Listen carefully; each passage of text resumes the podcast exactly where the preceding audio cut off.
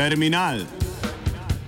Vedno različni, nikoli isti, reš kolumnisti, isti, isti, isti, isti, isti, isti. Nobelova nagrada za književnost praktično od začetka svojega podeljevanja vnema politične strasti, celo strankarske. Njen drugi prejemnik, historiografski klasik Theodor Momsen, je v javnosti nastopal z zelo netolerantnimi stališči.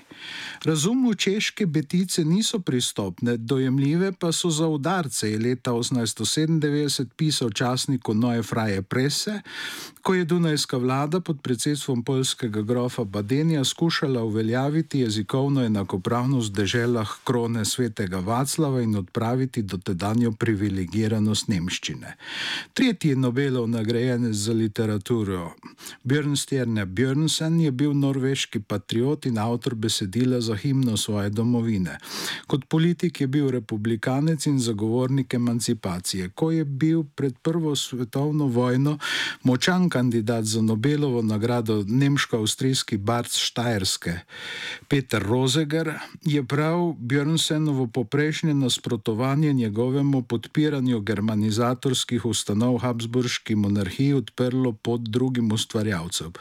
Tudi Indijcu Rabindrana Tutagoreju, za katerega so leta 1913 pesti še posebej stiskali Čehi in Slovenci.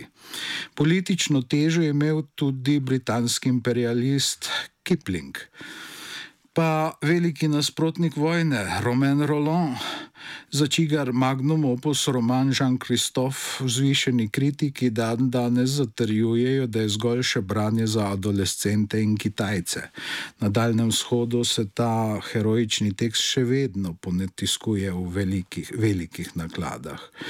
In seveda razumski republikanec Thomas Mann, ki je med drugo svetovno vojno postal presenetljivo angažirani protiigralec kralju nacistične propagande Jozefu Goebbelsu. Seveda ne gre spregledati tudi največjega govornika 20. stoletja, Winstona Churchilla, ki je imel s svojim nasprotovanjem Hitlerju bolj prav, kakor se je motil v vrsti drugih vprašanj in bila je res dolga. Nekateri prejemniki Nobelove nagrade za književnost so hoteli biti videti bolj politični, kot so dejansko bili. Denimo Luigi Pirandello, ki je fotografom poziral z iztegnjeno desnico.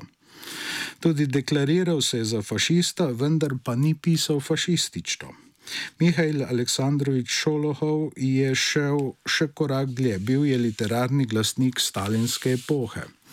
Po drugi strani pa je bil bolj alkoholik kot komunist. Toda tudi ko je primarno bil zaveden član vladajoče avantgarde in ponosen nosilec partijske izkaznice, je znal pokazati presenetljivo mlahavost in se goreče zauzemal za posameznike, ki bi jih brez njegove intervencije zmlele žrmlje sovjetskega režima.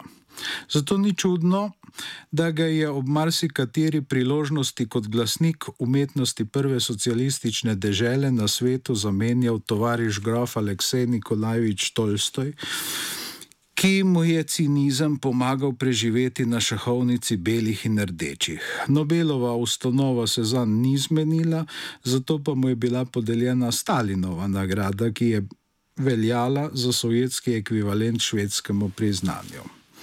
Tudi same okoliščine so kateremu od literarnih nobelovcev vtisnile izrazito politični pečat. Boris Leonidovič Pasternak se je lepo na ključju tu in tam lahko strinjal z oblastjo v podobi leninskega, stalinskega in hruščovskega politbiroja vendar je v sovjetskem obdobju pravzaprav zgolj nadaljeval tradicijo ruske inteligence.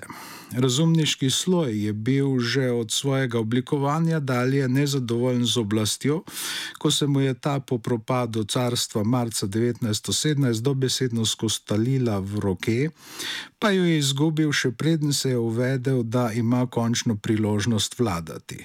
Raje kot z oblastnikovanjem se je najprej prostovoljno zaposlil s panegiri, ki v čast očetu Ruske republike Aleksandru Fjodoroviču Kerenskemu, potem pa pretežno pod pritiskom in celo prisilo Lenino in Stalinu.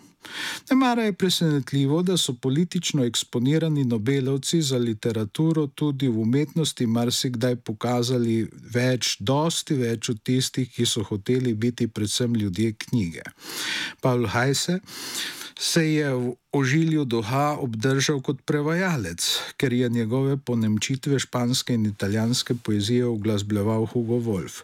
Knut Hamsun, ki je sledil norveškemu forrarju Vitkonu Quislingu, čigar priimek je leta 1940 postal sinonim za izdajalca, je dan danes problem. Ni ga mogoče spregledati, vendar tudi ne hvaliti. Max von Sydow ga je v trijezičnem filmu Jana Troela vsekakor upodobil bolj nepoučenega in nevednega, kakor je med drugo svetovno vojno dejansko bil. Pa vendar, bere se ga še vedno in kot ustvarjalec je tudi dan danes navdihujoč. Leta 2015 je njegov roman Glad služil za predlogo predstavam dveh slovenskih gledališč. Letošnji Nobelov nagrajenec za književnost Petr Handke potem takem nikakor ni osamljen pri vnemanju političnih strasti, saj tudi kot umetnik ni osvobojen precej široke pozornosti, vendar ne v enakem smislu, kakor njegov najstarejši predhodnik Filip Hodom, ki je bil ob še živečih Levu Nikolajeviču Tolstoju, Ibsnu, Čehovu in Strindbergu laureat precej klaverne postave. Handke jo komaj kdo odreka pisateljsko težo. Zan ne zastavljajo besede kapriciozni zagovorniki esteticističnih ali esencialističnih kriterijev, temveč ekspresivisti. Komu je bila lani podeljena Nestrojeva nagrada za življensko delo, se je Dunajska publika prisrčno smejala njegovim, niti ne posebej hudomušno formuliranim mislim, ki so sledile laudaciji Klausa Marije Brandauerja. Tudi ploskala je, veliko krat in zelo. Letos pa je skoraj vse drugače in nič ne pomaga poudarjanje, da je pisatelj dobil Nobelovo nagrado za literarno ustvarjanje in ne za politična stališča. Na slovenskem je bila debata od Handkeju še posebej ostra. Toda tudi docela rutinska. Handkevi nekdani slavilci so dokazovali, kako so že zdavnaj razčistili svojo preteklostjo. V bistvu so nas poskušali prepričati, da nikoli niso mislili tega, kar so svoj čas izrekli. Drugi so se vedli, kot da so velik, velike zgodbe še zmerom na sceni. Prepričali so nas, da so intelektualno prespali impulze, ki jih je v svetu dal največji skeptik 20. stoletja Mišel Foucault. Tretji so hoteli biti spodobni in četrti moralistični, vendar ne v smislu velikih francoskih mislicov 17. in 18. stoletja, ki so se na takšno stališče postavili po tenkočutnem opazovanju ljudi in stvari, temveč iz preračunljivosti. Hoteli so pokazati svojo moč in so zato bili z večino. Handke pa niso brali in ga tudi danes ne. A kakorkoli se je in se ne mara še bo odvijali. Odvijala ta nevesela debata, je vendarle jasno nekaj. Gre za vprašanje o bodi si suverenosti, bodi si avtonomnosti, bodi si služnosti literature in umetnosti nasploh. Tu pa ne sme biti površnosti. Gre za vprašanje, ali je literatura zavezana sama sebi, življenju kot celoti ali neki intencionalni parcialnosti. Seveda se da vsako stališče dokazati in obraniti samo v svojem okviru in je zato mogoče prepričljivo govoriti v prid temu ali onemu pogledu. To, da nič manj ne drži, da literatura v določenem dojemanju stoji in obstoji, v drugem pa se ukinja. In glede na to, kaj vse je že povedala, svet in njegova razmere bolj anticipirala, kakor pa mu držala zrcalo, ni ne pomembno, kako jo razumevamo. Tako da še bo ali pa da bo postala večna preteklost. Terminal je pripravil Igor Grdina.